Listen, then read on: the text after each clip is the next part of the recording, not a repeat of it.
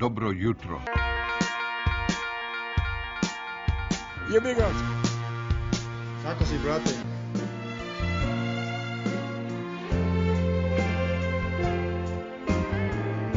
Bilo lepo.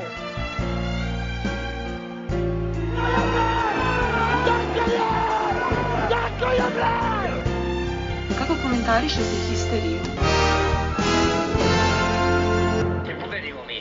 ghost in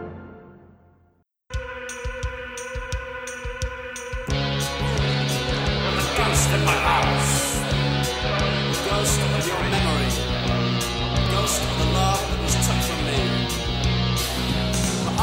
Pozdrav histerikalci, dobrodošli u 34. epizodu treće sezone podcasta Partizan Hysterical. Još jedna sadržajna nedelja je za nama i imamo i tekako o čemu da pričamo. Dve utakmice futbalera, dve utakmice košarkaša, ali ovaj put ćemo da napravimo a, mali izuzetak. Promešat ćemo ovaj, naš redosled rubrika ovaj, sada uvodnu reč odnosno uvodna tema neće biti ni futbal, neće biti ni košarka ovaj put uvodna tema biće, biće one naše poslednje rubrike koje su inače zato što su zaista novinari srpski sportski novinari briljirali, imali su nekoliko dana a, višestrukih orgazama za posetu moćnog Rangersa i, i ovaj superiornu predstavu a, našeg aktuelnog šampiona u, naj, u najdubljem stadionu u zemlji. A, osim toga, a, imamo jednu razglednicu on the road iz Rotterdama, tamo su bili naš, naši Šurda i Ikac. Ikac koji, mislim, već u skoro svakom on the roadu da se javlja. Nije se još raspakovao. A Nisu se još pošteno ni raspakovali, a ovaj, bitno je da su snimili On The Road koji možete da poslušate, a nakon toga idu omiljene vaš, omiljena vaša rubrika ovaj, posvećena eh, razno raznim gadostima koje su nam eh, domaći mediji priredili.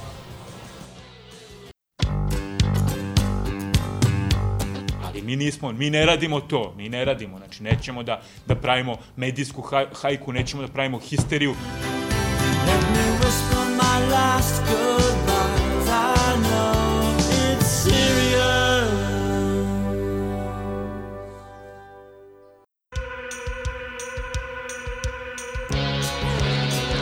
Ghost in my house.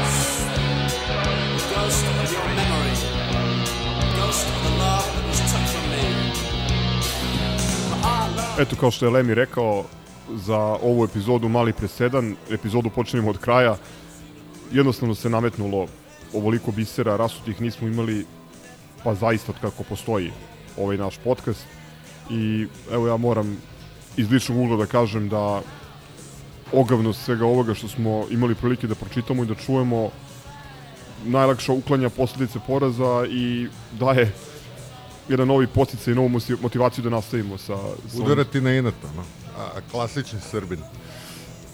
Pa evo, mislim da će sve o, o, ovaj, ovde prisutne malo da nas energizuje, vratno i naše slušalce i da nam olakša razgovor u narednih sati malo i malo više. Da krenemo, pošto toga to, toliko ima da ne znam da li ću sve uspeti da, da pomenem. Samo da upadnem na, na kratko i da se zahvalim i da pohvalim ove naše slušalce koji su nam uh, slali vi, više nego ikada zato što je materijala bilo više, Više nego, nego ikada. ikada da. Hvala vam što ste nas zatrpali govnima. od čega su neke onako e, ba, bacano u krug, tako da iz više, iz više ruku. Dobro, oni godinama slušaju nas kako nešto trabunjamo, tako da Evo, prosto tražim objavu koja je dostojan ulaz u ovaj bazen pun fekalija. Evo, možda je to Eraković Nesta, odnosno popularni Čupa. Vi ćete mi pomagati, pošto ovoga ima previše, pa da nekoga ne zakinem za... To je baš ono, malte ne, krenu. malte ne nesta samo još da nauči da igra futbol, tako nekako. e, Da, duhovito je dosta, ali ajde da ne parafraziramo. samo još da bude prodat za 30 miliona. Da, naravno da je u pitanju zlatno pero, odnosno zlatna štoperica Darijan Daki Nedeljković, davno izgubljeni brat blizanac Vuka Mitoševića. Naslov pred Erakovićem je fantastična karijera, podsjeća na Nestu, samo da kupi malo tehnike. Sad ne znam da li misle na usisivač Pa, fen ili mašinu za pranje suđa. akcija u Tehnomaniji, tako da... Da li je ovo, ovo trenutak da pročitam šta je NČ napisao o Nesti? Pošto do sada nismo pominjali njegove izlive Futbolski. futbolske. Evo. Dakle, znalo se da su policajci u Erakoviću videli slabiju kariku u štoperskom tandemu sa Dragovićem. Međutim, 21-godišnji momak iz Batinice sve ih je demantovao. Od osam duela u kojima se našao popularni Čupa je iz šest izašao kao pobednik. U tri situacije jedan na jedan sa protivničkim napadačima imao je perfektan učinak i to startovima na loptu, baš kao i otklanjanje opasnih napada rivala. Uz pomoć Dragovića u džep je stadio Alflera Morelosa.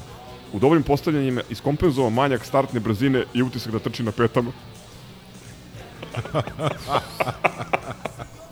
Šta bi bilo da nisu primili pet golova, odnosno koliko, četiri gola u dva duela. I da taj isti Rangers nije izgubio od Sparte u Pragu, Da. na primer, pošto o tome ne govori. Iz podrubrike Nesta ima još jedna ob, objava gde ga pominju sa lab, e, e, porede sa Labudom. Ne znam da li neko od vas ima pri ruci. Evo ga. Ocene Zvezda. Kanga trčao kao nikada u životu, Pavko, Pavko pod injekcijama, er, Eraković izrastao u najlepšeg labuda.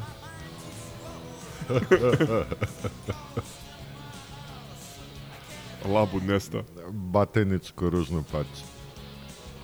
E, ovaj, dalje idemo u subrubriku e, stradanje Alana McGregora. Assimilation. Ne, ne, Simulation je za kraj. Čudo na Marakani. Čudo kako Zvezda nije prošla. McGregor sa 100 ruku eliminisao crveno-bele iz Evrope. McGregor sa 100 ruku, ovo je Telegraf. E sada, ništa sporno što bi rekao Jel imaš one gde... Da ga nisu malo da je- drugačije- da ga nisu drugačije predstavili Imam ja, svega evo. 17 dana ranije. A, Zvezdina šansa golman Rangersa. Njegovo vreme je prošlo, klasičan linijaš, tri tačke. Pod naslov sve jače kritike na račun 40-godišnjeg Alana McGregora. Eto koliko Darijan Nedeljković znao Čekaj, čekaj, futbolu, bio- a ono što je... Bio onaj neki gde je optuženo da je wife beater. Pa da, evo, da to, to, je, to je posle utakmice. To je posle utakmice. Zanimljiv lik. Evo ko je čovek koji je zaveo zvezdu u crno. Pijanica, optužen za silovanje velikim slojima, no kotira navijača 20 godina, godine veliko, ne govori za medije, znak uzvika. Eto, to je, ovaj, to je fantastično. Inače, Jel, jel ima negde one a, a, serije onih romansiranih a, tekstova o napadu na hotel gde su bili škotlanđani? A, mislim, To je negde izdvojeno, to je kurić sport, ali- ali to je toliko Ne, ogledno to je da- socijalni fenomen. Mislim, a, a, ajde, zamisli samo, mislim, daleko od toga da, da bih podržao da se nešto tako desilo, su naši navijači uradili. Ali zamisli taj odijum na koji bi to ne išlo. A ovde se a, pišu ono pesme u desetercu, malo ne Guslar da izađe da opeva napad golorukih delija na, na škotlanđane. hotelu sa pet da, da, u na centru Beograda. Jeste, jeste. I, i, i, i na, na škotlanđane koji se a, gađaju stolicama. Meni je ipak, e, evo, utisak koga ne mogu da se oslobodim, taj, to zlatno pero, odnosno zlatna štoperica, koji je baš onako dao tastaturi na volju, imao je jedno pet ili šest tih romansiranih prosera. Ovo je možda naj, najjači naslov. Rock and roll od futbala i Evrope. I Mapetovci bi aplaudirali ovakvoj zvezdi. da, da, da, Waldorf i Štatner, sigurno. A evo ga još jedan. Navijači Zvezde utučeni, tužni, ali ponosni. Kako objasniti Unucima. E, a jel imate negde one za realan rezultat? Da, da, to je Mondo, to sam ostavio za kraj, kaže ovako, šok statistika, inače dogovorili smo se da to bude naredna stalna rubrika, šok statistika. Da. Ovaj, kada, kad god budemo izgubili, mi ćemo da iskonstruišemo priču da smo zapravo pobedili. Dakle, šok statistika, povlaka, evo koji je realan rezultat dvomečna zvezde iz Rangersa. Ovo se ne pamti, crno-beli, crveno-beli zaslužili pet golova. da citiram velikog Baku Sliškovića, rezultat iz Real. E, ja imam ja još jednu, I ali bio bi da, je, da nije bilo simulationa u competitionu. iskreno nisam, nisam 100% siguran, znači, e, da ovo nije se neko naš ono zaigrao i u Photoshopu čitaj Čolović ovaj, uradio e, Mozart Sport, naravno pomenuti Darjan, delovalo je da će se Dejan Stanković samoubiti, želeći u nekoj varijanti da bude reinkarnacija lika pukovnika Vranića iz serije Moj rođak sa sela. Ti bi Vraniću izazvao imperiju na dvoboj, što je protivnik jači i smrt je slavnija. Šta si ti, Ahile novog doba, umislio? Ne ide to tako, govorio je jedan od generala pukovniku Vraniću. Mislim, i da nije tačno, Ahil novog doba. toliko je dobro da, da, da zaslužuje da Ljudi, bude mi se pomenut. zajebamo sa čovekom koji gleda uh, seriju Moj rođak sa sela i, i citira kao I to kulturnu- prodaje kao relevantnu foru. kulturnu referencu, tako da ajde, ajde, gasi, skuplji mikrofon, idemo. Mote kablove.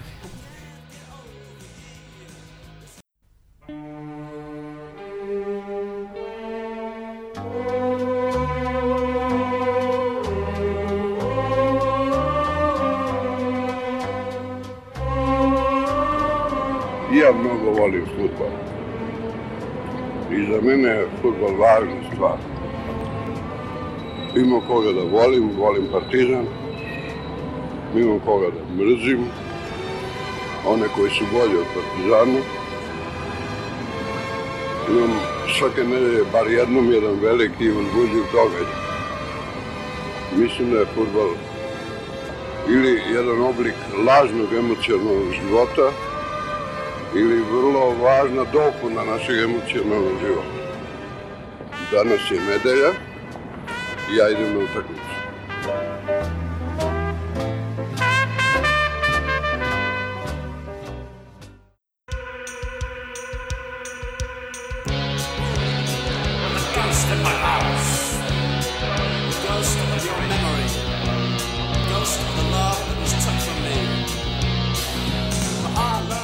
Evo, nakon povratka sa gostovanja u Rotterdamu, negde sabiram utiske.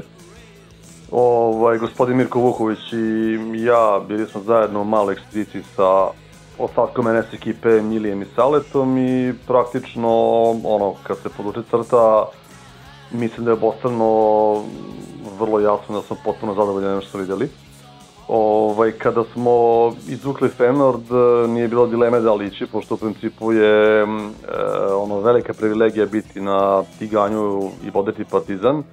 Iako sam pre samog odlaska, odnosno pre praktično samoga žreba, bio jedan redki koji je tvrdio da nam Feyenoord niko ne igra, jer sam smatrao da su od nas e, fizički upadljivo jači. A u postavilo se zapravo da su mnogo jači nego što sam i sam mislio, pa su nas objektivno, kad se beremo sve od utakmice, zaista ovaj, oduvali. Inače, nakon prve utakmice, ono, kad je ostalo evidentno da mi nećemo ići dalje, e, sreće je što ipak dobar deo ljudi nije odustao. Tako da smo u principu ovaj, ono, prestekli da idemo, uzeli standardno ovaj, već kupljene karte i vizum se zaputili za Eindhoven, a tu smo se malo različili, Mirk je zapalio Rotterdam, mi smo ostali još jedan dan na Eindhovenu, ovaj, da bi se onda našli na dan um, utakmice. Mirko, tvoj neki utisci? Pozdrav svima, pozdrav, pozdrav tebi Ilija, pozdrav svim e, slušalcima. E, rekao si mnogo toga u e, samoj najavi, odnosno u samom uvodu. Ono što bih ja istakao e, zanimljivo jeste to da sam se e, spletom okolnosti našao na e, konferenciji za novinare dan pred meč da sam, htjem da kažem pod znacima navoda kolege iz e, Partizan Meta, ja bio jedini opet po znacima navoda novinar koji je bio u prilici da toj ovaj, konferenciji prisustvuje, odnosno da postavlja pitanja. Ostaje nepoznanica zbog čega se niko od novinara iz Srbije nije pojavio ovaj, na toj konferenciji, a sa druge strane nije bilo ni holandskih novinara, pretpostavljam da je razlog tome rezultat iz Beograda i kao da nisu imali e, šta da čuju i da sama ta sama ta konferencija nije bila predmet njihovog interesovanja. to je ono što je, e, što je, što, što bi u tom smislu moglo da bude ovaj, e, značajno za za naše... Izvini što e, te prekidam, ti da. budi slobodan da kažeš i da si jel učestvovao sticam na konferenciji, nisi bio samo nemi formator. E, jesu, da, da, prosto sam postavio, postavio pitanje, smatrao sam da generalno Rotterdam i situacija u kojoj se sam klub ovaj, nalazi posle remija sa napretkom i raspoloženjem u samom klubu nije nije bilo pogodno za postavljanje nekih, da kažem, škakljivih e, pitanja na gostujućem terenu, pa sam se bazirao samo i isključivo na pitanje e, o psihološkoj pripremi igrača i same ekipe pred utakmicu, povlačeći paralele sa nekim istorijskim preokretima iz 84. 2003. 2010. 10. godine i to je otprilike to je otprilike bilo to takođe sam pitao vezano za eventualno dobar e, dobar utisak i dobru partiju koju bi ostavili na Tiganju e, i uticaj takve partije na dalji tok borbe za titulu u, u Linglongu. Eto, odgovore ste pretpostavljam mogli da, da čujete, a možete i dalje ukoliko odete na YouTube kanal na kome je ta konferencija publikovana. Uh, vezano za same utiske ovaj, uh, u vezi sa stadionom, mogu da kažem da je to jedan od najakustičnijih stadiona na uh, kojima sam bio i da podsjeća na pionir u najboljim, u najboljim danima, s tim što su momenti kada čitav stadion navija, čitav stadion koji je bio krcat, kad navija, dakle, nisu naročito česti, svode se na uvodnih 10 minuta i na, i na krajnjih desetak ili 15 uz izuzetak određenih momenta kad prosto dešavanja na terenu diktiraju navijanje. Ne bih, ne bih dalje nešto previše širio priču ili ja Pa da, mislim, pa... ja bih se upravo navezao na taj deo koji si rekao, ono, mi kad smo pravili planove da idemo u principu jedan najbitnijih e, razloga, osim Partizana jasno samo po sebi koji je najbitniji, je upravo bilo znači ideja da vidimo tiganje i atmosferu na e, stadionu, pošto jeste jedan od kultnih stadiona u Evropi, kada smo ono sat i po utakmice ušli, znači delovalo stvarno da će biti ono uragan bukvalno, pošto ono u samom uvodu utakmice i pred nju, znači ono navijači Fenerda bili prepaljeni, ono i ozbiljno navijali uz neka uh, tren sranja koje se išlo sa zvučnika, ali to je ispada neki, neki, neki njihov lokalni ovaj, lik napravio pesme pa se jako lože. Međutim, kao što rekao Mirko, u momentu kada je utakmica počela pa se otvorila posle 10 minuta, ono, tempo navijanja je pao i ljudi bukvalno kao da su se ugasili. I ono, samo par narata, znači grmeo ceo stadion, naravno posebno posle golova na kraju utakmice, ali bez ikve lažne ono, ovaj, priče i subjektivnosti grobari koji se našli znači, na Tiganju su daleko više urali njih po slobodnoj proceni oko 500, znači u dobrom delu utakmice su stvarno ono poprilično nandeče, ali ovaj, ceo stadion, što je meni bilo fascinantno u tom momentu, pošto ono kao u pitanju jedan od stadiona koji su zaista ovaj, među najakustičnijim koji sam ja lično video u životu, znači baš se iskreno bojao kao da će biti ono atmosfera sa utakmice tokom čitavog meča, ali eto ispostavilo se zapravo da nije tako. Velika stvar je bila što se grobari pojavili u Holandiju prilično ovaj, dobrom broju, znači kažem neka procena oko 500 ljudi da je bilo u utakmici, ono došli su ranije u grad, e, probojali po gradu, otišli ovaj do stadiona, u par naravno, znači su pokušali Holandjani se probi do njih preko ono policije, ali ono realno to je komedija bila i sranje pošto kao niti možeš napasti ono muriju, niti možeš doći navijača.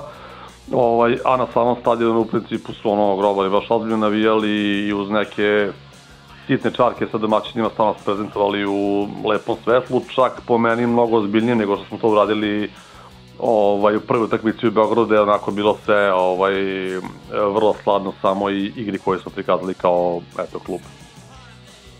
Da. Ja bih tu još, ja bih tu još samo dodao vezano za, e, za sam utisak ovaj, o navijanju da ne može da se iz kompletne priče izuzme, izuzme činjenica da je stadion bio krcata. Ja zaista ne pamtim kad sam poslednji put gledao Partizana da, a da nije bilo slobodnog mjesta na, na terenu na kom se utakmica odvija.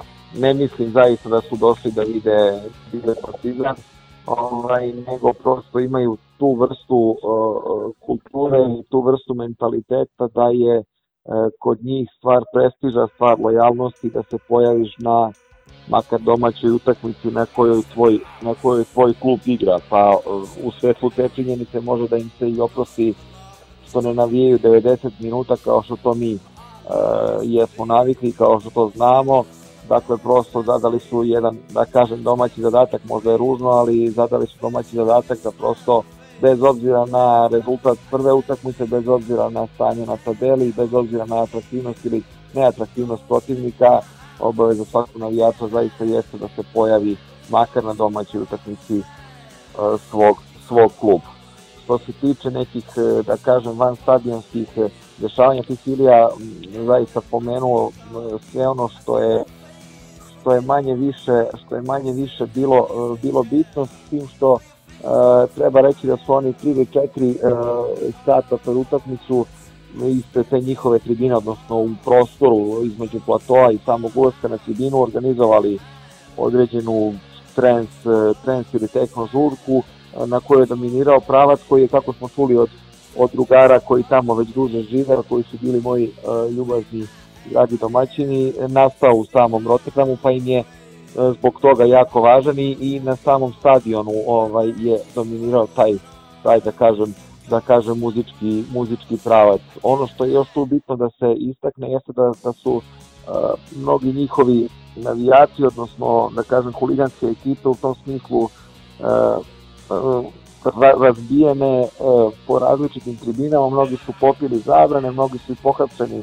nakon COVID uh, nakon COVID demonstracija i napada na, uh, na delegaciju Unijom Berlina, valjda u, u, u nekom od prošlih u nekom od prošlih kola, ovaj, tako da, da generalno možda to i nije bio njihov, njihovo najbolje izdanje i, i svakako nije bio njihov pun, pun sastava, sasvim sam siguran da su ovaj, u nekom smislu imali i imaju respekt u odnosu na grobare zbog svega što se dešavalo u, u prošlosti, što mi je na kraju krajeva potvrdio ovaj, i, i da kažem njihov kako bi to rekao, šef ili jedan od, od ovaj, šefova tog njihovog navijačkog kluba koji, koji ove godine slavi 90 godina, ali eto možeš da me, da me prekineš pa bih onda eventualno nešto, nešto i o tome rekao. Ne, naravno, mislim, kaže, kako se kao seti samo neki spali, to mi potpuno ovaj...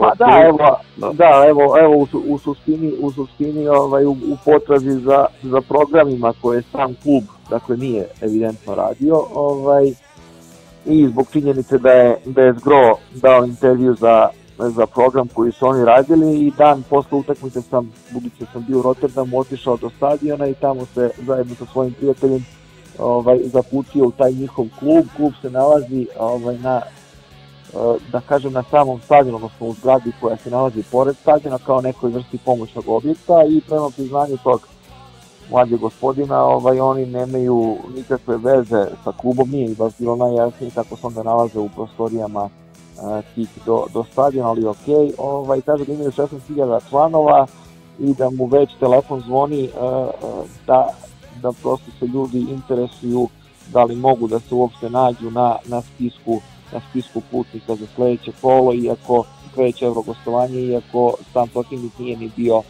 ovaj, nije ni bio izvučen. Ono što mi je upalo u oko i zbog čega sam i krenuo da, da pričamo možda malo šire nego što bi trebalo, jeste to e, što se e, oni jako e, što oni jako vode računa i jako drže do, do, svoje, do svoje istorije. Rade veliki broj publikacija, jednu ovaj, impozantnu monografiju sam zatekao na stolu u, u kancelariji, tu su rukavice koje se nalaze ako želite da prelistate to, to štivo i uh, morao sam da napomenem i ovim putem i ovaj, uh, pozdravljam našeg drugara Milovana, morao sam da napomenem da uh, je nešto slično urađeno i u Beogradu, ali od strane samo jednog i jedinog ovaj, uh, momka, jedne jedine osobe, on se tu naravno zaprepastio, kod njih je to sve mnogo, uh, nažalost na mnogo višem nivou u odnosu na nas, ljudi se mnogo više time bave, mnogo im je više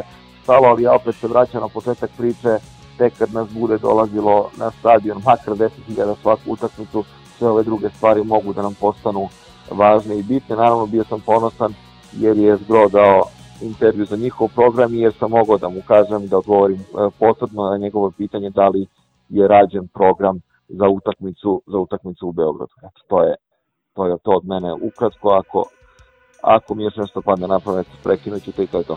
Da, nadovezujem se samo na činjenicu da ono, pitanje je klub koji ima oko 30.000 karata pretplatnih godišnjih, što dovoljno govori o, o momentu koji se zove vernost klubu, znači mi smo ono u tri pičke materine od e, svega toga na veliko žalost i ono, mislim, mi nismo uspeli da skupimo 15 soma na Fenordu zajedno sa decom i sa Holandjanima, da ne spominjemo neke druge utakmice kada se ono poslovično naš 2000 jednika ono tradicionalno skuplje da se znamo jebate po imenu ono bukvalno celom stadionu. Tako da što kaže ono od lamentiranja nema vajde prevelike ali ono uvek je potrebno samo znači navesti da smo možda nekad bili klub ono i navijači ali sad smo stvarno ono pali na baš jako niske grane i generalno grobarima svaki kurac se tu smeta. Znači ono što bi rekao zgro opet ga ovaj ovaj, citiram, ono, ako hoćeš da nađeš način, odnosno razloga da odeš na, na utakmice, mogu si ga naći od 90. pa do danas, ovaj, ono, redovno, tako da, ono, jebi ga. Tuga sve o svemu. Ovo, što pa da, tiče, jedinstvo, da, se nešto na pamet pada da Inače, znači Fener da bacaju ozbiljnu količinu ono, topovskih udara, pale bake i dimove i malo ste raspitali kao po kom osnovu se to dešava, nama udaraju kazne. Suština je sledeća, na utakmicama na kojima su oni e, domaćini, a igraju evro takmičenjima, postoji mreža kod celog terena, da nešto od toga ne bi završilo na samom terenu, pošto su kazne da to najrigoroznije moguće isključenja, a ovo što bacaju po ono, tribinama i pale, suštinski plaćaju ogromne kazne. Ovaj klub i to je to neki preći dogovor između kluba i navijača da je u principu se to toleriše da bi se verovatno ona potencijala sama ovaj, atmosfera. Tako da delovi da to neko ovaj, usaglašen između e, samog kluba i navijača koji to rade. Da, tu je važna činjenica da se napomenu da se recimo ovaj, ispred, ispred ovaj, tribine na kojem smo se, odnosno kad smo ušli na samu tribinu, prvo što upada u oko je ogromna mreža koja je koja je razapeta i kroz koju se uopšte gleda gleda utakmica i to je upravo ovaj, zbog toga da nešto od predmeta ne bi upadalo na teren. Dakle, kapiram da oni nisu isto baš najdisciplinovani jer da jesu ne bi bilo potrebe da, da se, da se mrežom ovaj, ne, ne, ne delo mi uopšte na neki... naprotiv, da. da. Baš delo nekim da. momentima kao ono banda ozbiljna iz toka, tako da, što je okej, okay, naravno, navijači gledano. Da, da ovaj i sad ono isto što sam što sam pričao sa ovim drugarima koji koji e, e, e, žive tamo dakle to kako se recimo Fenordovi navijači oblače uopšte ne mora da bude ne mora da bude signal u kom su u kom su odnosno da li nisu u nekom huliganskom fazonu. Dakle oni generalno nose e, njih 70-80% nosi, nosi da kažem casual marke i na prvi pogled bi mogli da pomislite da da jesu ovaj da jesu u tom nekom fazonu, ali ali to uopšte ne mora ništa da znači. Ono i neki obični obični likovi znaju da se obuku kao da su kao da su upravo ispali iz ono Green Street Hooligans ili tako nekog ostvarenja filmskog, tako da eto, to je to je ovaj što se toga tiče ubedljivo najveći rivali su im ovaj u u Amsterdamu. Sa lokalnim ekipama Sparte i Excelsiora nemaju neke sukobe, ok, ne vole se, to je evidentno, ali sada tu ima ovaj, e, nekih, nekih rivalskih ovaj, akcija nema, budući da je, da je Sparta ipak kao i Excelsior mnogo, u mnogo podređenom položaju po svim osnovama u odnosu na Ferno. Znači, bez, bez ikakve dileme dominiraju, dominiraju uh, gradom, mnogo ih je, ima i svakakih, nije, nije ništa sporno, ali Ajax im je, Ajax im je u suštini ovaj rival rival broj 1 što se tiče što se tiče samog grada, evo možeš i, i ti, ja sam bio ovaj 2011. ovaj pred gostovanje sa Genkom, pa sam mogao da se da se upoznam, znači prvi utisak mi je onda jednostavno od udara, od, od, od e, slike klasičnog holandskog grada, samo isključivo iz razloga što je u drugom svetskom ratu ovaj, zbog bombardovanja strane sa zemljom, pa su sve one građevine koje možete da vidite recimo u Amsterdamu u stvari porušene i ostalo ih je, ostalo ih je jako malo, tako da neki arhitektonski, da kažem, uh, bućkuriš ili, ili neki neka arhitektonska raznovrsnost jeste, jeste prisutna silom, silom prigode. To je to. Da, je bre ozbiljna luka, ono, govorimo oko grada sa oko 700.000 stanovnika, mislim to, mi smo ono više narasta bili do Eindhovena, pošto obrnju kredin kad se ide u Holandiju i Belgiju, znači ono, uvek zapašemo tu konekciju vizom i ono, Eindhoven je bukvalno u smislu selo ceo odnosu na Rotterdam, koji, kao što se rekao, je toliko atipičan odnosno na ostatak Holandije da ono prosto kao da i nije samo Holandija, ali meni lično onako deluje stvarno impresivan grad, ono i neko ostavlja utak na, na čovjek kada prošta i kada, kada dođe. Ovaj, Mirko, možda pa reći o samoj utakmici, ono što tiče mene, ja sam prezadovoljan. Jer se iskreno znači bolje da nas ne raskantaju ono ko volove u ovoj drugoj utakmici s obzirom na to što smo prvo videli a i utisak mi je glavni da smo zapravo mi ovde odigrali daleko bolje, daleko čvršće, da nisam imao one ružne osjećaje kao na prvoj utakmici da mogu da da, daju gol kada nam se bukvalno digne kurac. Nego ovaj, naprotiv, ono kao mi smo uspeli dobar deo vremena pariramo, bili opasni par navod, tako da ono, kako sam se nadao, mi su udali baš bukvalno do jaja. Kako ste utisci? Moje, moji utisci su isti kao, kao i tvoji, ono što je meni e, bilo važno u ovoj utakmici je da igrači pokažu neku vrstu ponosa i neku vrstu odgovora nakon debakla nakon debakla nezapamćenog ovaj, na, na JNA, to sam od, od igrača i od ekipe dobio, jasno je meni da mi nismo ni Ajax, nismo ni Manchester i da imamo svoje limite, ali u, u ovoj utakmici prosto uh, smo dali neki svoj maksimum i da nije bilo da kažem uh, pada koncentracije na uh, kraju prvog poluvremena na kraju utakmice možda smo mogli i do nekog i ole povoljnijeg rezultata. Istini za volju kad sam se vratio kući pa pogledao ovaj reprizu, bilo mi je jasno da je njima da je njima poništen uh, gol iz ofsajda koji nije postojao, s druge strane da je Ricardo dao makazice ili da je Marković onaj šut mm. uh, glavom ovaj, smestio iza leđa domaćeg golmana, možda smo mogli i do i do, i do X-a, ali nismo se, nismo se osramotili. Ekipa se nalazi u takvom momentu u kakvom se nalazi, mislim da je jedini način da ih nekako podignemo, poguramo i damo neku iole nadu da možemo da završimo posao koji nam je bio prioritet u ovoj sezoni, a to je titula da nas prosto dođe na prvu sledeću, makar na, na jedna, ovaj, makar 10.000 ko može u Surdulicu bilo bi super, ali sve ostalo je prosto šuplja priča, možemo mi do ujutru da analiziramo, da govorimo kako nam je kako nam je bilo i da i da upiremo prstom u druge, ali e, u, u gradu u gradu kakav je Beograd sa makar 40% navijača Partizana mislim da je nedopustivo da nas, da nas na stadionu ima tako malo, pritom govorim iz ugla nekoga ko nikad nijednu upravu nije podržavao, kao, ko ni prema trenutnom treneru uh, nema neke, neke simpatije, ali apsolutno ne, to ne stavlja u poziciju da ne dođemo u utakmicu ili da na samoj utakmici ne godujem zbog bilo čega, prosto svi ti ljudi su prolazni, ostaje Partizan i ostaje zapisano šta je Partizan uradio ili nije uradio u određenoj sezoni. Eto, to je to. Ma da, to ono što pričamo x puta, znaš, ono, nezadovoljni s praznim ostavama, ali ništa to nije razlog da sad ostanem kući da ono, lamentiram i serem po mrežama, ono, kad bi ljudi probali malo da se ono izmesti s te ono pozicije životne u kojoj su upali vjerojatno veći deo nejače Partizana, da prosto ono mrdnu dupe dođu na stadion, da pomogu klubu da možda nešto uradimo, jer dogod nas 2000 jadnih ovo na stadionu viče, lamentira, buni se, to je realno ono, nula pojena naš danas ima. Moram, samo, moram samo da se, kaži, moram samo izvini da se, da se nadovežem baš na tu priču da ne bude da je sve crno da malo ovaj, iskoristim iskoristim ovih par trenutaka da pozdravim ovaj, dva momka prepoznaće se oni koji su krenuli istim letom, odnosno pokušali da krenu istim letom za Eindhoven kao i mi, ali zbog toga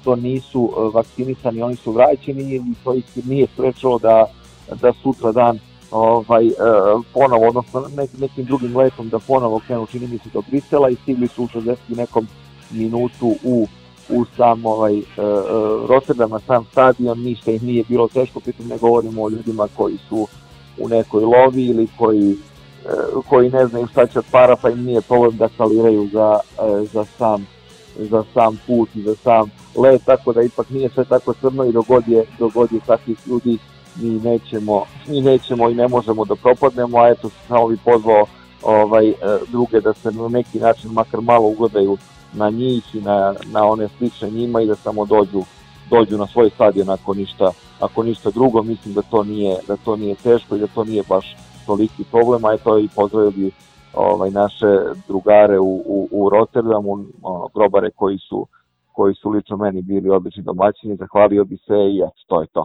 Pozdrav za sve. Eto, hvala da pozdravim ja ovaj ekipu koja ima živac da nas sluša, puno pozdrava od Ikta i Mirka i eto vidimo se na nekom sledećem gostovanju pretpostavljamo ovaj, domaćem pre nego li inostranom uskoro, ali eto, to je to. Puno pozdrava. Imaš devojku ti? Spreman za istraživanje? Come on, let's go!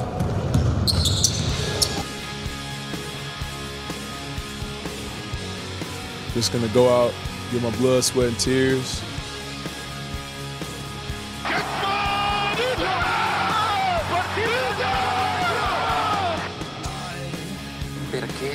Partizan Belgrado?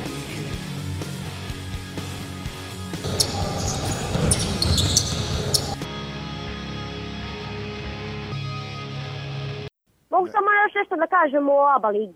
Yes, sir.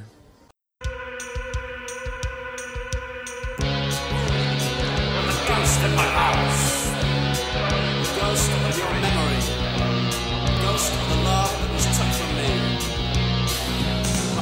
Ok, da, da, da, da se zahvalimo braći na ovom iscrpnom izveštaju. Saznali ste sve o Rotterdamu, uključujući arhitekturi. A, izuzetan prilog. A, ajmo sad e, na, na, ovaj, na basket, pošto je Lemzi nervozan, a i žuri. A, nisam nervozan, nema razloga za nervozu, ali ovaj ali da žurim, žurim.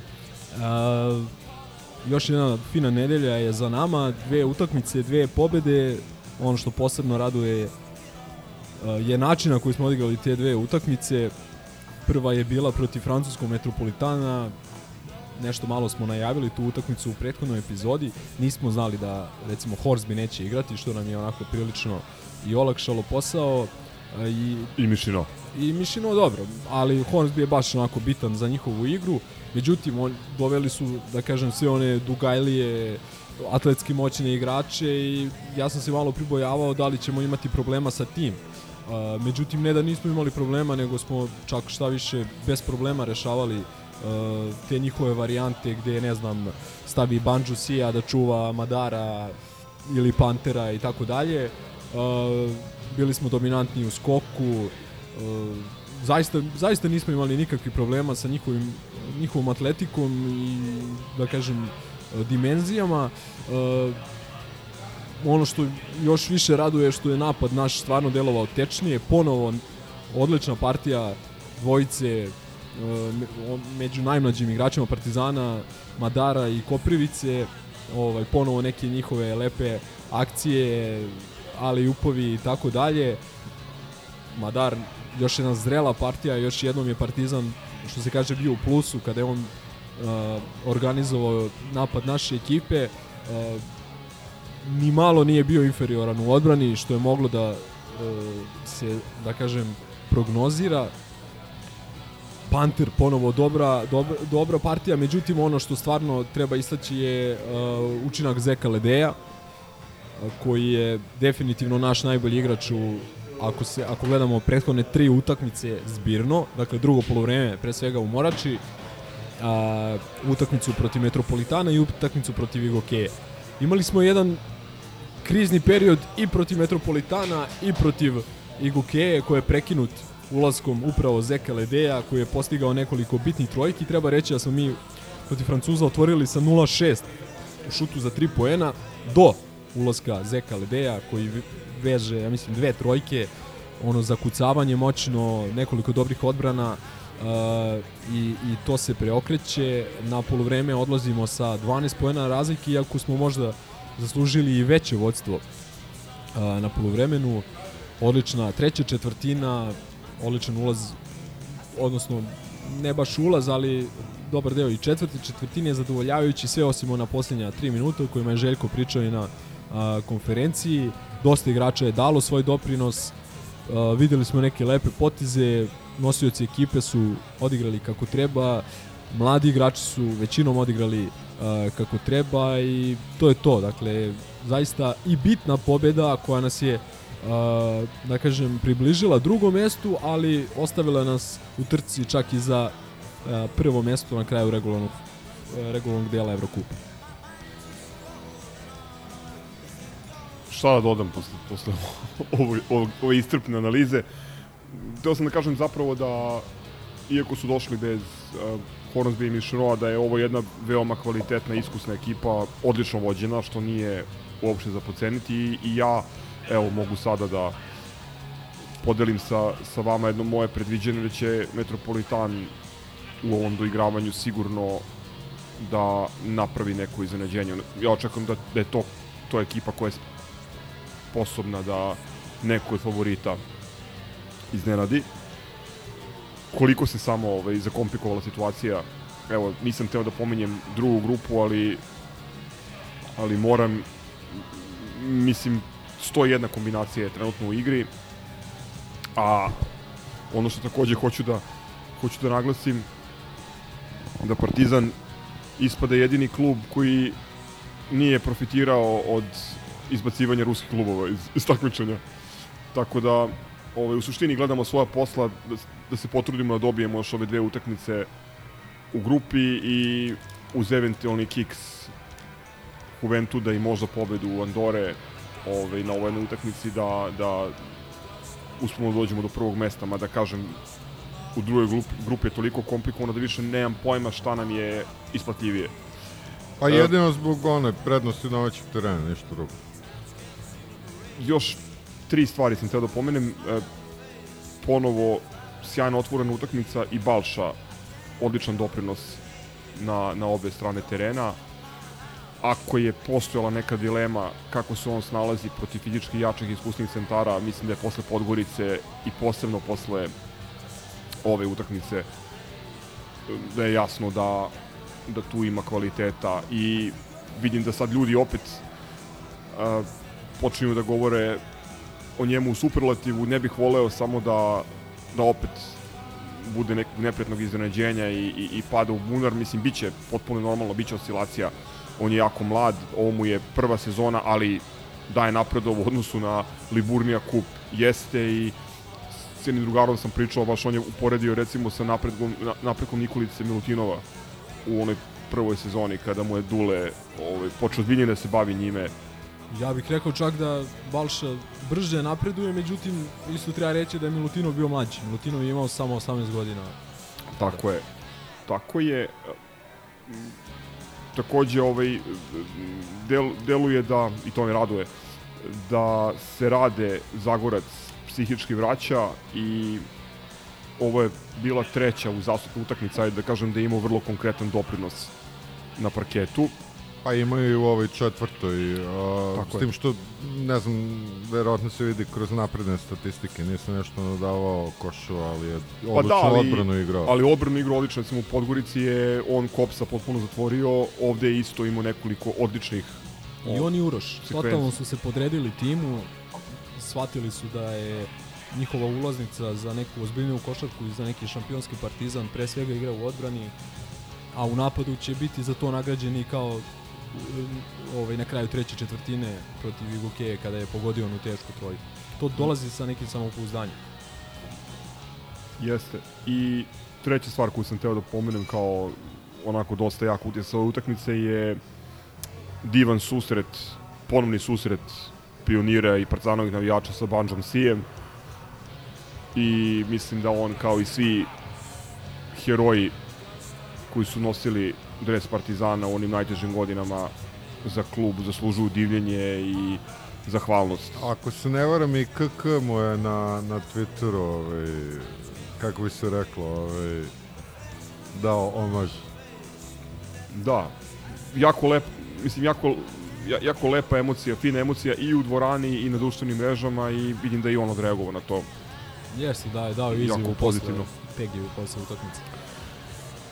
E sad, pošto sam ja ostao poslednji da, da, da nešto kažem, ovaj, nije mi mnogo ostalo, naravno. A, dva detalja a, sa te utakmice vezane za Aleksu, kome ovo nije bila jedna od najboljih utakmica, ali dva jako inteligentna poteza su mi upalo oko. Jedno u drugom polu vremenu kad je primetio rupu u, u, ovaj, u reketu i prošeto i dao prela koš. A još bolji moment u prvom kada je krenuo dribling ispod koša, a koji je svima delovao kao dribling ispod koša i onda je samo nabacio u trku na, na drugi obruč. Baš onako fini potez. E da, Tako- evo recimo, kod, ti, kod tih recimo, ne, par nje, nje, njegovih koševa protiv, eh, protiv eh, Metropolitana koji je dao tako što je ono probio po čelnoj liniji, to isto smo pokušavali protiv Letka Belisa, nijednom nije prošlo.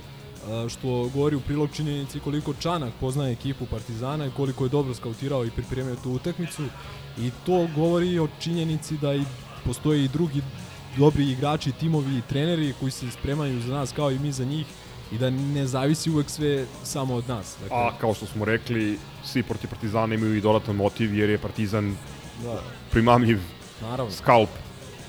A kad smo već kod toga, kad smo već kod tog nekog kulta uh, Partizana, Srbije, kao zemlje košarke i tako dalje, ja ne mogu uh, ono čudu da se načudim da u dve utakmice, uh, ove dve prethodne utakmice, imaš dva puta Željka Obradovića na konferenciji za štampu, jednom Mensana Kolea koji je prvak sveta. Nijedno je- pitanje.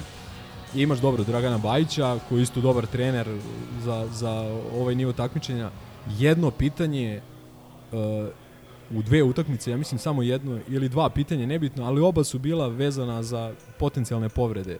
Da li je dobro, ne znam, Balša i Madar, to jest Balša, za Madara nisu ni pitali iako je se i on povredio. Znači ja ne mogu da verujem da no, no, ljudi imate prilike da popričate s čovekom koji je najbolji u svom poslu, koji je delom i se tiče i te kako ne delom nego i te kako se tiče vašeg posla. Imate priliku da ostvarite neki kontakt, neku vezu, konekciju.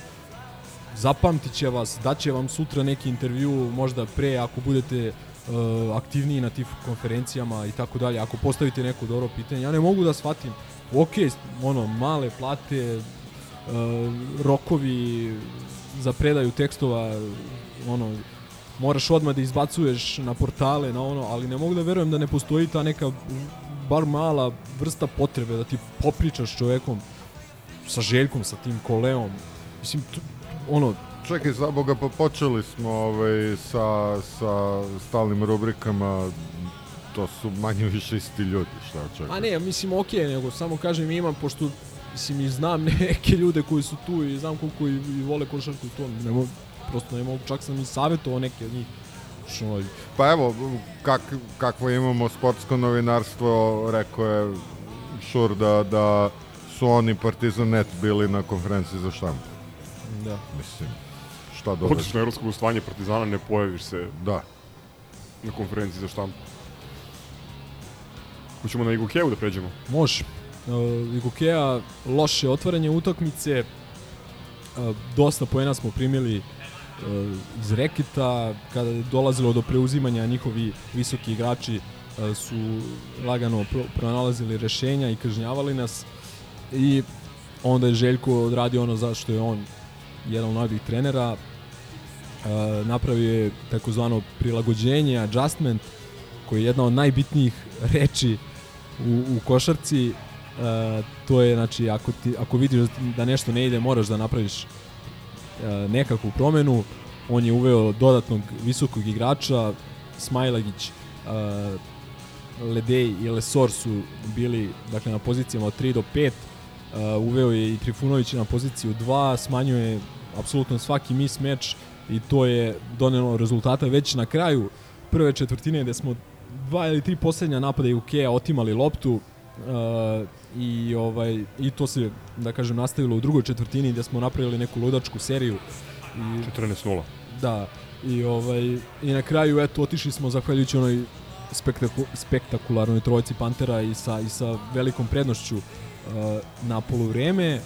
Odlično otvaranje treće četvrtine i došli smo tih 20 razlike, delovalo je to da ide i na stoka razlike, međutim uh, i ta Igokea je solidna ekipa, ima i tu dobrih igrača, oni su pronašli neko raspoloženje, pre svega kroz čuvenog volera koji je, ne znam, ono, protiv nas, ovaj, mislim da bi on želeo svaku utakmicu da igra protiv nas. A, I ovaj, međutim sve vreme smo kontrolisali utakmicu, nijednom, zaista nijednom nije dolazila pobjeda u pitanje, međutim nikako da prelomimo utakmicu. E, to smo uspeli tek onom trojkom uh, Smajlagića. Mada opet... Koju smo čekali jedno tri meseca. Sigurno, možda i više, pogotovo ono tamo iz, iz, iz ugla. Ovaj, međutim, svakako mislim da možemo više dobrih stvari da izvučemo iz ove utakmice nego loši. Ponovo dobra partija Madara, sa njim smo napravili preokret, napravili razliku na terenu i tako dalje. S tim što je ovde više bio u funkciji ekipe. Uh, Da. manji, manji, mislim, napadački utisak mu je bio manje Da. impresivan. Bio je dvocifren, ali Jeste, 10 poena i 6 asistencija, čini Da. mi se. I ono što je posebno bitno, nijedna izgubljena lopta. Protiv Tako. Metropolitana je imao četiri, ja mislim, izgubljene protiv OK ni jednu, tako da ovaj a, a ali, Igo- ali je imao dobre krađe i bitne Jeste, krađe jeste, i protiv jeste. jednih i protiv Jeste. drugih.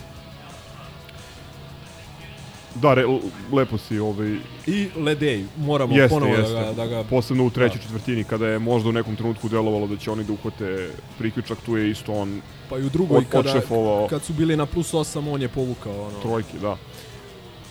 Da, problemi sa Tanaskovićem i Stevensom na početku, onda ta petorka sa tri visoka igrača. E, meni je tu bilo podjednako zanimljivo kako je ta trojka, e, kako je ta visoka trojka delovala i defanzivno, ali i ofanzivno. Znači u odbrani smo sve preuzimali i sve branili, potpuno isključili njihove visoke igrače. Znači od, ne znam, recimo 18 poena smo primili iz reketa.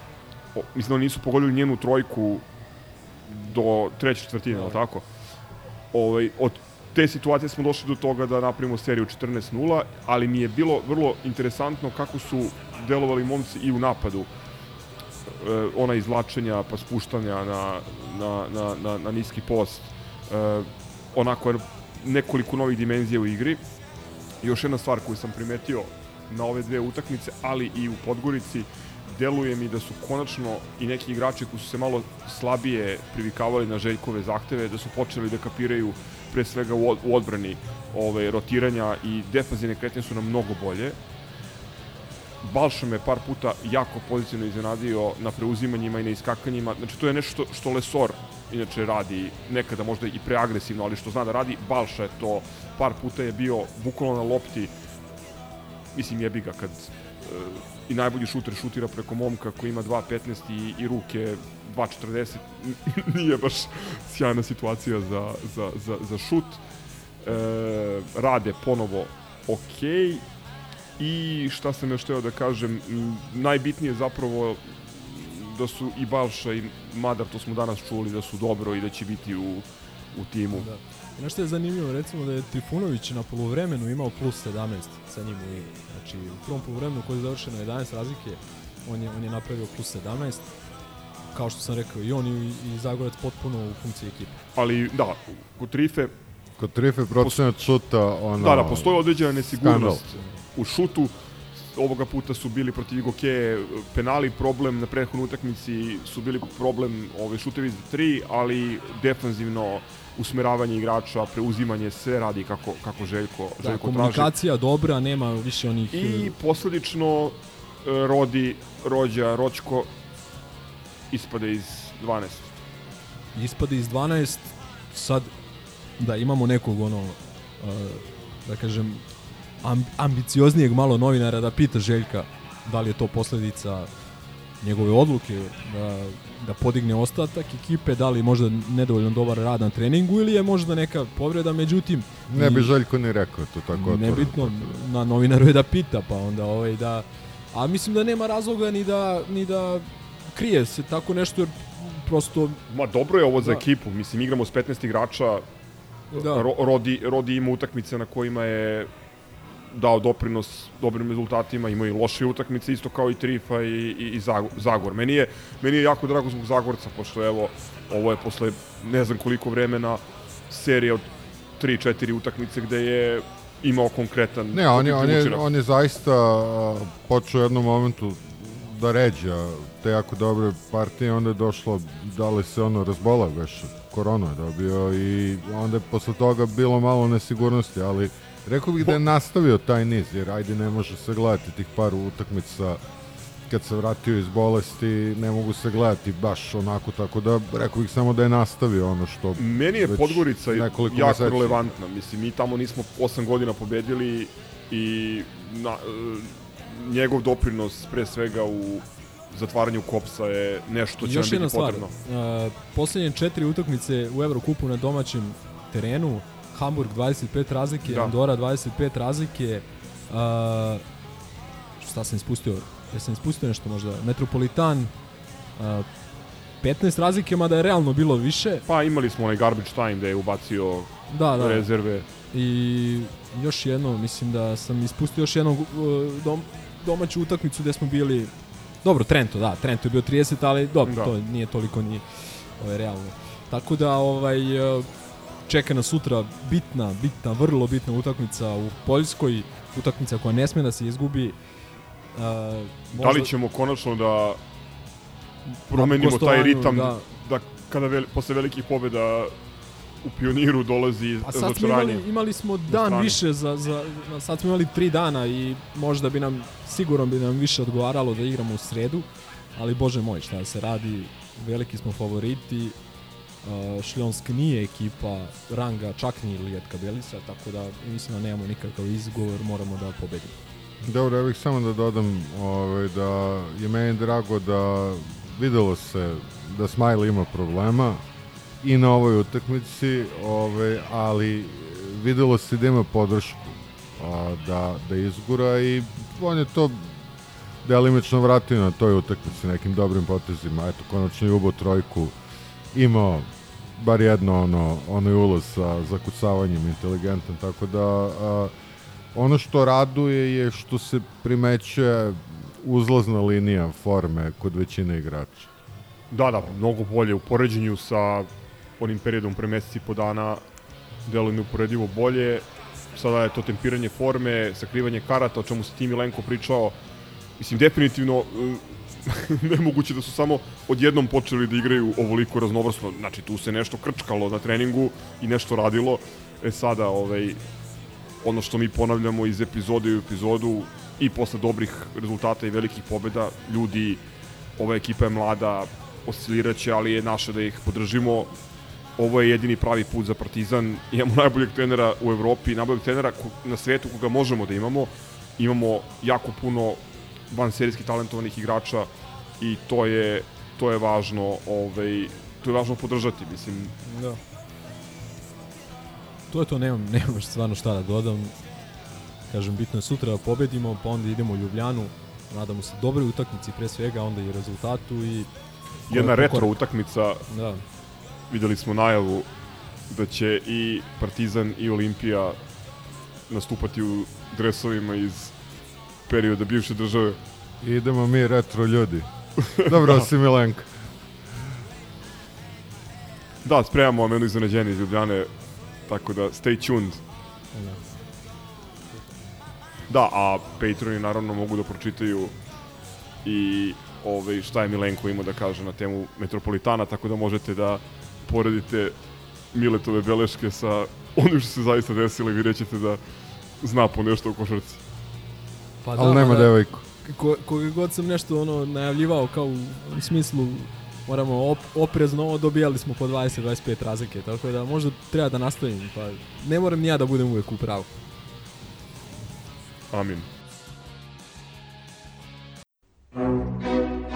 Sa Ivica Ilije, Ivica Ilije, Ivica Ilije.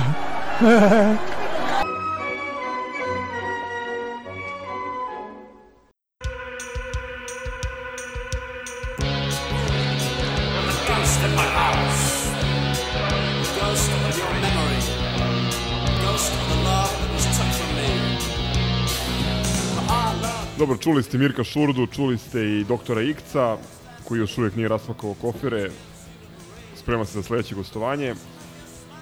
Spala knjiga na dva slova, Rešili smo se Štrebera. Možemo sad o futbolu na miru. Da, ko, ko pravi muškarci. A nema ni Vilija. Au, ne. Da. Ne, ovo mi sad ozbiljno fali, pošto posebno posle ove današnje utakmice i gola Surdulice, voleo bih da uporedimo sveske, da ne kažem beleške, da vidimo koliko smo mi to golova primili od kad Miljka nema. Ne, pa dobro, to na stranu taj Vilio animozitet, ali apsolutno nikog drugog nisam čuo da da jednostavno ne kaže da je Miljkon kakav je da je unosio sigurnost u, u našu odbranu i da, da stvarno fali. Ništa, šalimo se malo, ali u svakom slučaju vratit se i Vili, pa ćemo, pa ćemo Da. o tome pričati. Uh, čuli smo dopisnicu iz Rotterdama, ajde taj Fenor da da ovaj obradimo i možda da zatvorimo priču u Evropi. Ja nemam šta da dodam, apsolutno. Ove, ja mogu samo da kažem, pošto nisam bio na onom prošlom Skype ove, Druženju. a, druženju Terapeutskoj samo- seansi. Da, sa, samo ovaj, da kažem da, ok, to, čak i taj poraz, ali da kažemo, u neku ruku časniji poraz, daleko od, od onog od onog debakla u Beogradu i, i one, onog bednog izdanja protiv Kruševca nekako malo, malo ovaj, znači ono, kad posle poraza a, ipak si nekako zalečen ovaj, stoji, stoji dalje razočaranje od te one prošle nedelje i svega onoga što sam planirao da, da kukam, ali eto nisam bio na nisam bio na, na, na Skype izdanju da mi prosto kao kao ceo klub ono od od, od glave uprave pa do, do onog poslednjeg uh, službenika na koji prodaje karte ovaj nismo nismo dorasli zadatku. I tu mislim i na nas navijače i, i, i, i ljubitelje sporta i apsolutno sve. Znači baš smo ono fail fail na svim nivoima i bojim se da moramo se pomirimo sa time i da, da se ponašamo kao da navijamo za neki falkrik i to je to. Pa da, u dopisnici je po, pomenuta jedna bitna stvar, to je da oni imaju 30.000 i kusur Pa oni pune, sezonaca oni, i pune oni pune stadion. stadion protiv nas, koji smo njima... Ja ne znam kad je poslednji put e, Partizan igrao utakmicu na, na punom stadionu. Ja- Pokušam da se setim. Poslednja koju ja znam je Steaua.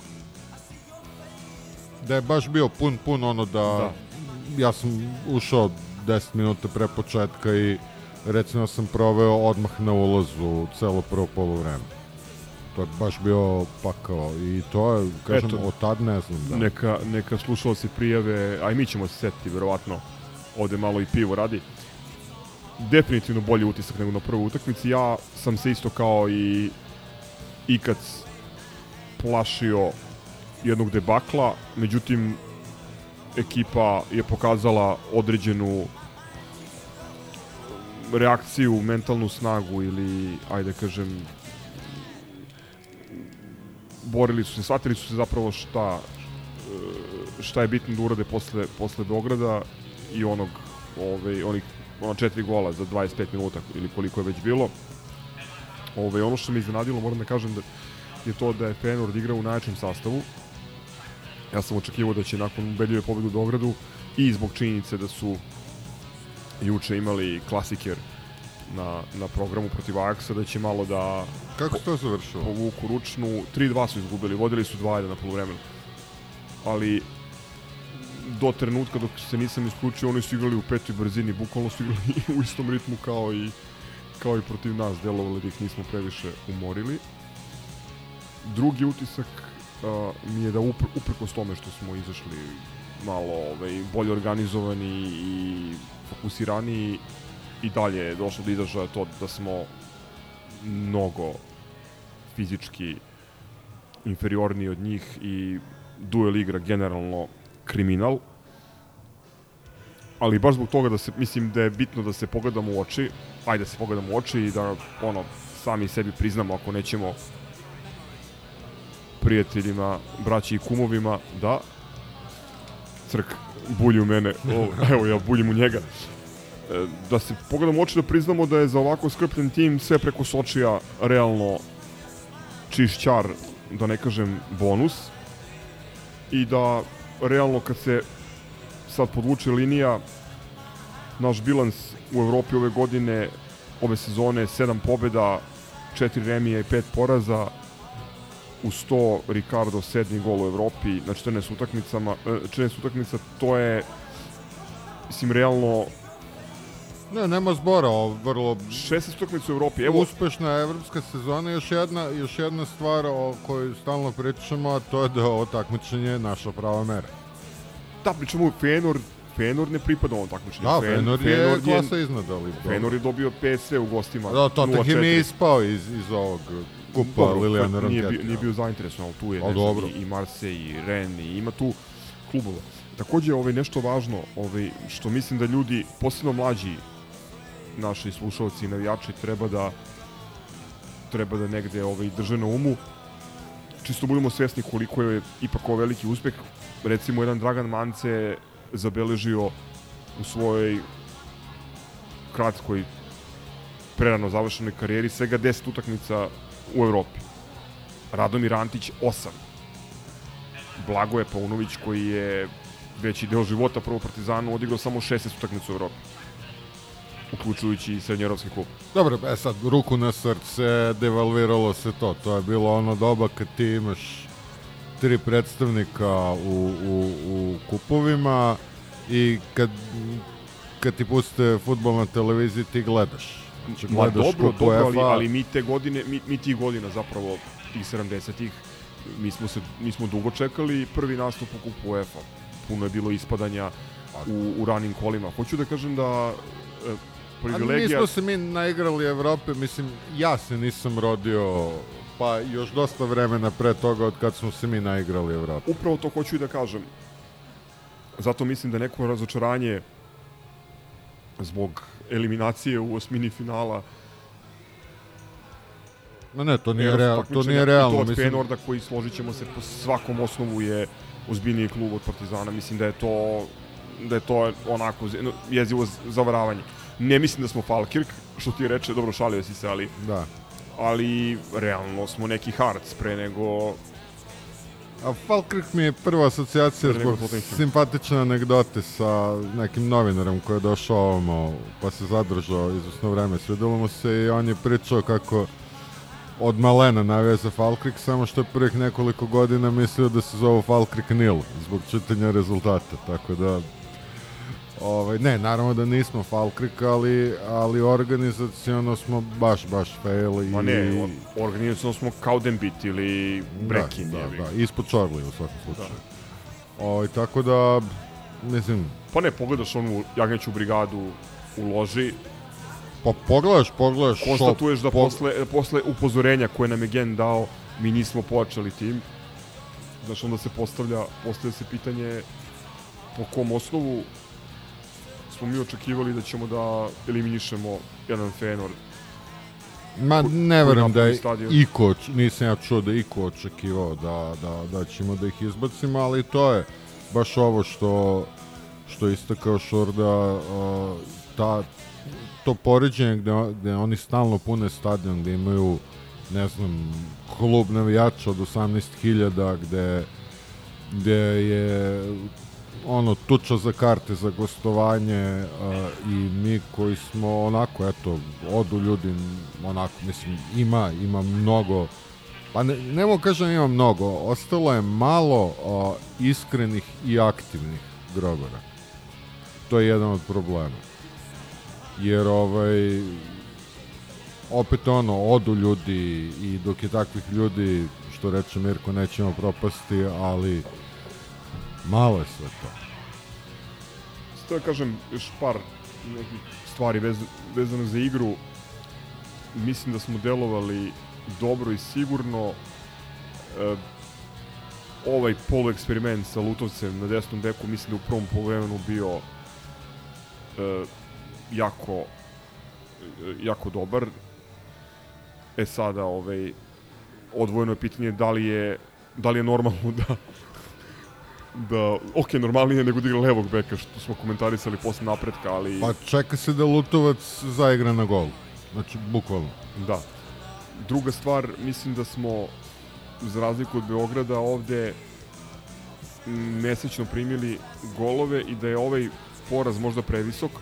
E sad, komesar sa crveno-belom mašnom iz studija RTS-a se ne bi složio, jer je naravno odmah insistirao kako je ne, nepravedno poništen gol Fenorda, ali to primili smo jedan gol u 45. drugi u 90. Između toga smo, posebno onaj, onom nam delu drugog vremena, su imali one dvije odlične šanse. Pre svega Markovićev udarac glavom, mislim da je bio inteligentan i, i futbolski, ali eto, nije bilo sreće da da izjednačimo, a mislim da da bi nerešen rezultat bio ozbiljan posticaj za ovu, za ovu ekipu da, da, da se ne preda. Pa dobro, mislim i nije se predala, mislim da možemo lagano da Možemo, pređemo možemo. na... I da zaključimo samo mm, s dve stvari. Za nas je, baš zbog toga što imamo prekratku klupu i nedovoljno možda individualnog kvaliteta, za nas je čak i, i bolje da nemamo to opterećenje u vidu utakmicu u Evropi, u takmičenju u kome svakako nećemo Okrećemo se obavezom u domaćem prvenstvu TM. TM, da. I druga stvar, ili prva stvar koju su i Šurda i Ikad spomenuli, a i, i, i ja želim da, da kažem ovde i s time da zatvorim priču o Partizanu u Evropi, svaka čast, ali zaista svaka čast svima koji su otputovali u Holandiju, posebno posle one šamarčine u Humskoj, Ne, svaka čast svima koji su pratili, koji su išli u Talin, koji su, ne znam, gde smo sve ono bili baš... U to doba još u COVID režimu uz ograničenja Prag, od koga smo mi odustali u mm. posljednjem trenutku. Tako je. I tu su ljudi našli način da, da uđu i mislim da da je to jedan od lepših uh, delova ove partizanove evropske priče uz tih Rikardovih 7 gola koji mislim da su ozbiljan bilans za Ka svakog napadača. Kako ne? Ništa, Surdulica. Što se mene tiče, jedna veoma zanimljiva i dinamična i dobra utakmica za Ling Long standarde. Surdulica, ja sam se plašio ovaj, to sam pre čini mi se tri epizode i pomenuo, ovaj, u tom trenutku nismo znali šta će biti u dvometu sa Feyenoordom, ali sam se plašio utakmice prve posle zahtevnog gostovanja u Rotterdamu, jer oni su jedna tvrda ekipa koja ako su se tičari arene u pravu, šest utakmica poslednjih nije primila gol. Vodi ih ovaj Đorđević što je bio u Čukaričkom koji je jedan dobar dobar trener. Pa ne samo što je teška utakmica, nego su oni, ajde prvo da kažemo da su oni nam obezbedili pet, pet bodova. Tako je. Direktno. Ovaj, I ozbiljna ekipa i da, da smo imali nedelju ili dve nedelje slobodno i ja bih se pribojavao tog, tog go- gostovanja i bilo je čupavo bila je ovaj, dobra utakmica, mi jesmo bili bolji u njoj, ali evo, ko je ono bio, 93. ili 94. minut? Prečka. Ona prečka i onda onaj čovjek koji sa 4 metra nebranjen prazan gol uspeo da promaši mnogo mu hvala na tome, ali moglo se završi x ko kući. Nepotreban tlak. Ajde doći ćemo do toga. Mislim, pre svega da kažem da su imali osim te šanse, bukvalno još dve šanse. Imali su u prvom poluvremenu pre gola Pa da, oni su... skraćeni korner, imali su gol koji je više glup, glup gol u smislu lošeg defensivnog pozicioniranja Pa, i našeg štopera i našeg desnog beka. Šok statistika kaže da su oni najneefikasniji napad u, u Linglongu, tako da nije ni za očekivati da će mnogo napadno, ali evo, na, na, nas su mogli iz tri šanse dva puta da ukanala. Mogli su da šokiraju. Da. Šok statistikom. Da, taj- mislim, prvi gol, šta reći, nama Lutovac Pa tako, igra... tako to izgleda kada back. ti krilni igrač igra Tako je. bek. Mislim, ne mogu da ga krivim, stvarno. Nije njegova pozicija. Jednostavno...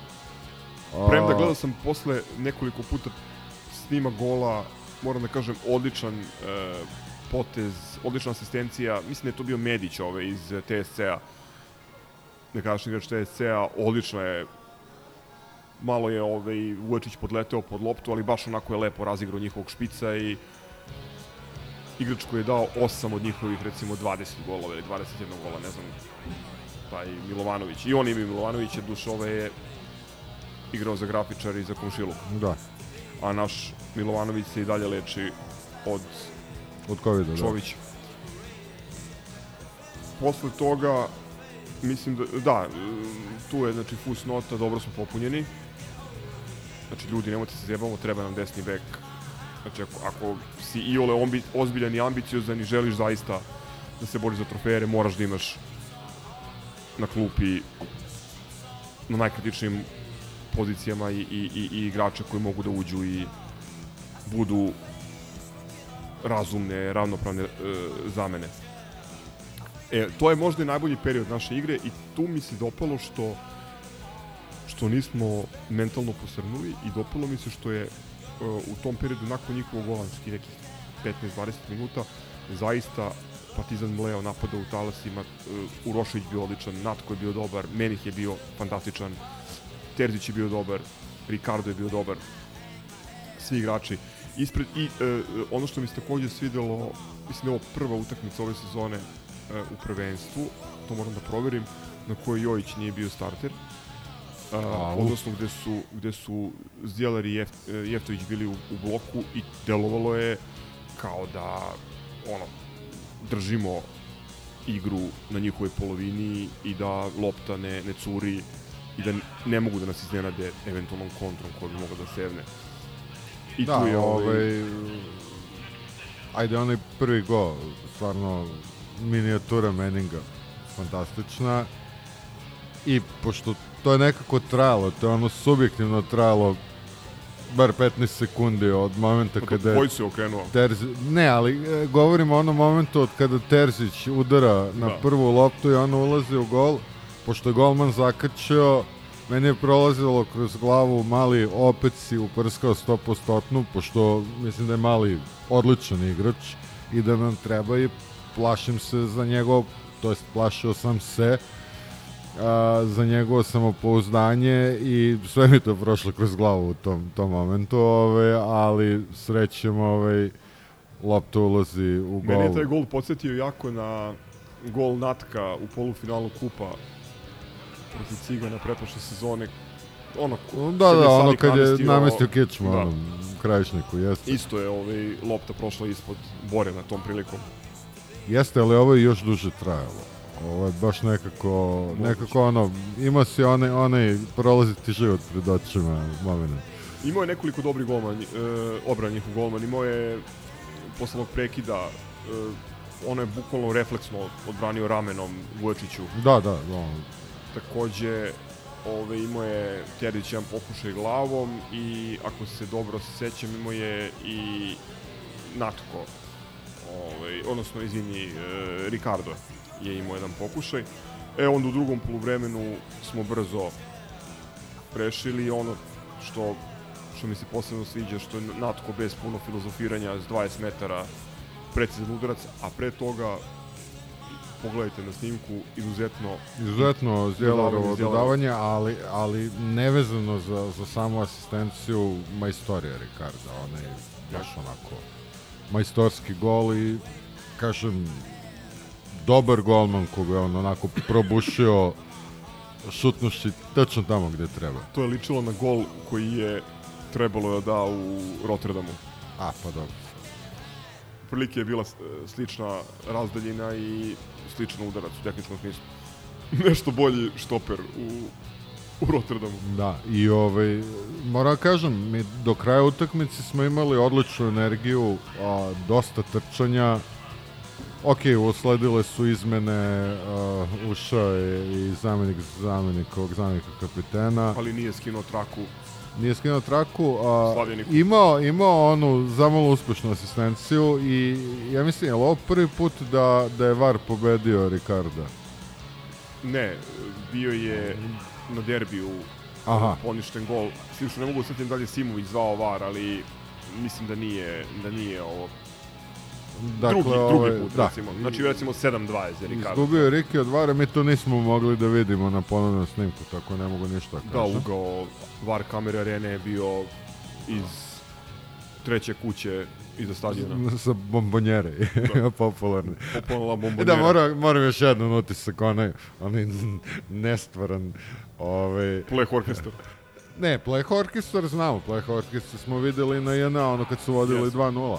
Nego, nego onaj mural ovaj, sa, sa Maradonom i Piksetom i Spase Poljane, mislim, ono je... Dobro, sigurno postoji neki kafenski mit, ono, o surdulici. Nije, nije možda, ono, možda nije je ono Mar- Maradona, kafana, nije, nije ono kafana, ono je droga, mislim, da se razumemo. možda Maradonini koreni ovaj, potiču iz Maradona sela Zagružanja. Mar, Maradona je svjetski čovjek.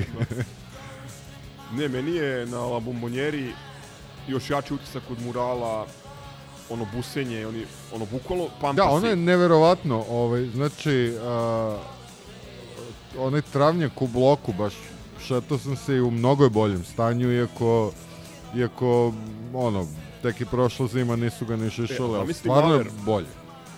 Zamisli Maler da je kojim slučajem padala kiša ili sneg. Mi smo poslednjih nekoliko utakmica Pa, igrali... u trenutni trener je e, prva stvar koju je rekao bitna, bitna pobjeda na ovom nemogućem terenu. Poslednje dve ili tri utakmice smo igrali tamo po jako lošem vremenu i dobili smo ih na in- individualni kvaliteta Sana, odnosno Sadika svoje vremeno. To je ona utakmica, dobro se sećam kad e, nisu postavili blende na kameri, pa ovaj, kad smo gledali orošen, orošen objektiv, ako se sećaš. da, da, da. To mi je ovaj, jak utisak, tako da eto, e, Ling Long Superliga ima dve labombonjere, jednu u Slanoj Bari i drugu u Surdulici. Genijalno, što, što drugo reći. Ne, mislim da, da zaključim utisak o ovoj utakmici, iako eto, za malo da, da, da prospemo dva boda, e, pozitivan utisak pre svega zbog pristupa igri, zbog tog stava, zbog, zbog trčanja i mislim ono, ako tako pa ne pobedimo, bože moj. Da, da. Samo da ne gledam i, i moram, moram da pohvalim ovaj, i pored toga što imaju onog mesara, ovaj, kako se zašao, ovaj, Mitošević. Mitošević koji je trebao da dobije šest žutih, a direktan crveni za onaj start na Terzića, a posle skrljao Ricarda i ništa. Mislim, a pre ovaj, toga poredio Natka. da, da, ovaj mladi sudija, to isti ovaj ko bio u Nišu? Koji je propustio sankcioniša ono, razbijanje glave. Nisam, nisam siguran, ali Popa. ovaj, ovaj nam jeste sudio, ovaj Milanović, čini mi se da se zove. A svi su mladoliki, pa ih nešto Ne, ne, meša, ovaj, je, da. ovaj baš deluje kao da ima 12 godina. On nam je jesenas par puta onako su, sudio na ivici. On je, mislim da je sudio u pazaru ovaj, onu utakmicu kad je e, proveravan VAR za onaj sumin gol 8 minuta. Da, da, da. Al, al kažem, okej, Herezada. nevezano za to... Ne, ovaj, loše suđenje je bilo, realno loše. o, realno loše suđenje, ali kažem, protivnik, ono, posle onog Kruševca, vrlo korektan protivnik. Pa za početak hteli su da igraju u futbolu. Pa naravno, mislim, ne možeš ih optuživati, ljudi su ovim ciganima uzeli pet bodova. Očigledno nisu filijala i ovaj, muška utakmica i da je više takvih u Linglongu, Ne, ne, jedino mi je sporno to što se Mitoševiću, ali dobro, to je još jedno opšte mesto ovog podcasta, samo se menja, menjaju dresovi, odnosno klubovi u kojima igra taj čovek u, kome, u, ukoljica. gde god da je igrao, povredio nam je na svakoj utakmici po jednog igrača. Evo, danas je Natka. Potpuno nepotrebno ono udario po potkolinici. Nadam se da je majstor dobro, pošto nam mnogo fali ovaj taj završni pas i Želim da se ponovi utakmica u kojoj a, Zeka ulazi da zameni Natka. Negde u 65. minutu. Ništa, to je to, idemo, idemo dalje. Ko nam je sledeći? sad sledi reprezentativna pauza, reprezentacija igra prijateljske utakmice sa Mađarima. Biće interesantno vidjeti da li je Holender našao put do futbolskog terena. Pa, volio bih da se vrati sa jedno par komada Orlovima, ne zato što imam, pošto ja sam potpuno indiferentan sprem naše reprezentacije, nego da on uđe u formu. I posle toga čini se Danska, pa onda igramo sa TSC-om u Humskoj 2. aprila. Onda ovaj, te nedelje imamo kup protiv Loznice, ponovo na NA i završavamo na Banovom brdu 10. aprila. To je ovaj kraj drugog kruga redovnog dela sezone. Sećaš može se da kada smo poslednji put igrali na Banom brdu? Da, prošle godine gledali smo ovaj, e, iza ograde 0-2 je bilo. Da, ali koji je datum bio? Pokušam se setim sad. Bila je epizoda za dan pobede. E, tako je, znači 9. maj. Ovaj, da, da, to je bila moja prva utakmica uživo, iako nije bila na stadionu, bila izvan stadiona sa brda, ali prva utakmica uživo posle, od početka COVID, ne baš od početka COVID, jer bili smo ono... Bili smo na Spartaku. Na, da, ali tu negde. Znači, skoro godinu dana. Ništa, Imamo za kraj e, par pozdrava. Hteo sam da pozdravim Vladimira Stojkovića koji je nagrađen e, ajde kažem titulom ili plaketom ili medaljom najbolje golmana Saudijske Arabije u mesecu februaru i iskoristio je Mustafa među svojima, što bi se reklo. Da, da, za, za, iskoristio je situaciju da istroluje Zvezda Srbiju ovaj, podelio je tu vest sa svojim pratiteljcima na mrežama uz komen, komentar vrati pasoš Mustafa. e, a mora mi teška srca da se složim sa Rankom Stojićem. Ne znam da li, da li si ispratio ovaj intervju koji je dao čini mi se za sportske net gde je bukvalno naravno i svojih ono Ne, on sebičnih je, on, on, je, on je za mene umro u momentu kad je prešao Dinamo Zagreb i od tad, ja ne znam za tog čovjeka. Da, vidi, znači njegovi motivi naravno krajnje diskutabilni, ali hoću da kažem da je potpuno jasno objasnio šta su problemi u Partizanu i mislim sve ovo što, što je svakome ko, ko gleda taj klub i ko voli taj klub jasno da ono loža jednostavno centralna loža nije na nivou ni ambicija, ni kluba, ni, ni, ni ono trenutka. Jeste, ali dok je pritisak nas, što ne možemo da se složimo da li nas ima hiljadu i po ili dve i po hiljade, pa, pa se svađamo i oko toga, znači pritisak nas par hiljada sigurno neće ništa promeniti. Dobro, pričali smo tome u prošlom epizodu, ja sam, ti, ja sam rekao ono, A znam, ali ja, napretka, ja meni je- nisam, meni je ja nisam bio publika, pa još. Meni je naša da. publika bila najgori utisak one utakmice. Da, da. Mada, evo, ovaj, moram da, da primetim, e, ovo je možda ništa sporno, da se procene, naglašavam procene broja prisutnih na utakmici komšija protiv Kolubara i Uča kreću u rasponu od 3 do 10 hiljada. Što znači da ih je objektivno bilo 780. Nebitno, ovaj, ni, ni kod njih nije, nije sjajna situacija. Ma E, uopšte ne gledam njih. Kažem, nama treba dok smo imali realne šanse za titulu, jer sad već mislim da, da malo ovaj, kasnimo.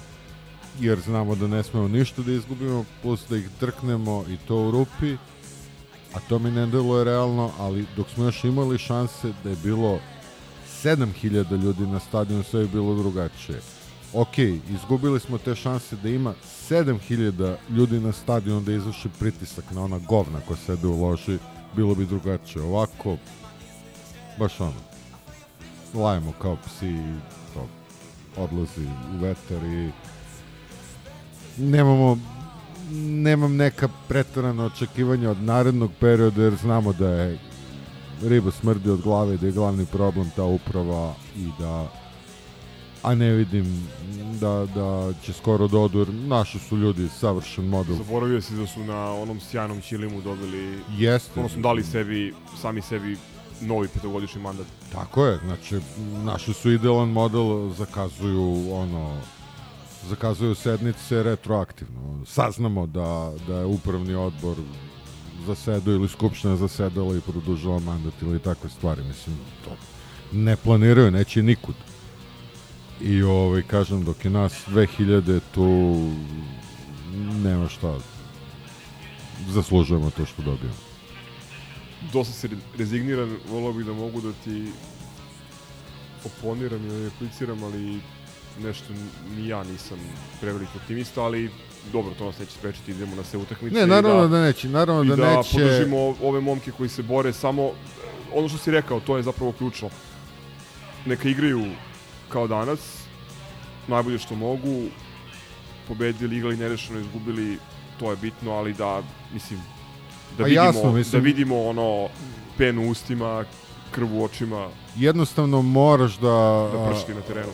Kao navijač Partizana a, možeš ili da odustaneš ili da naučiš da razdvajaš upravu, klub, trenera, igrače i na kraju krajeva da... Svoj subjektivni osjećaj. Tako je. I ono od čega smo počeli ovu emisiju, mene su zaista one objave podsjetile i gde smo i šta smo i sa čim živimo i još jednom su me u, u, učvrstile u veri da ono da je to prava stvar i da Da, da nije toliko prokurvana reč, rekao bih otpor. Ali Da. baš to. Znači, otpor, otpor polusvetu. E, samo ovaj poslednji pozdrav da se ne bi završilo Nemoj na- poslednji pozdrav, molim te. Poslednji pozdrav za ovu, za ovu emisiju da se ne bi završilo sa Rankom Stojićem.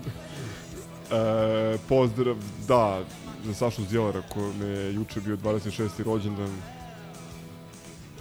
Ono, slika i prilika kapitena, kapiten 100%, Partizan 101%, e, neko na koga i mladi naši igrači i sportisti drugih klubova treba se ugradaju, pošto je za neke njegove saigrače već prekasno, ali e, Evo, Markec ga je napao nožem na, na proslavi. živ bio ako je neko zaslužio da podigne trofej i napusti taj klub sa, sa titulom to je ovaj, Saša To, Zjelar. to je da, da nam popraviš raspoloženje na kraju emisije, da samo shvatimo da je neminovno da Saša Zdjelar ode, a bojim se Ricardo, tako da do godine u drugoj ligi. Ništa, vidimo se protiv TSC, a pre toga verovatno u pioniru. Ćao. Ćao. Ciao, brate. Salim ti prijetna dan.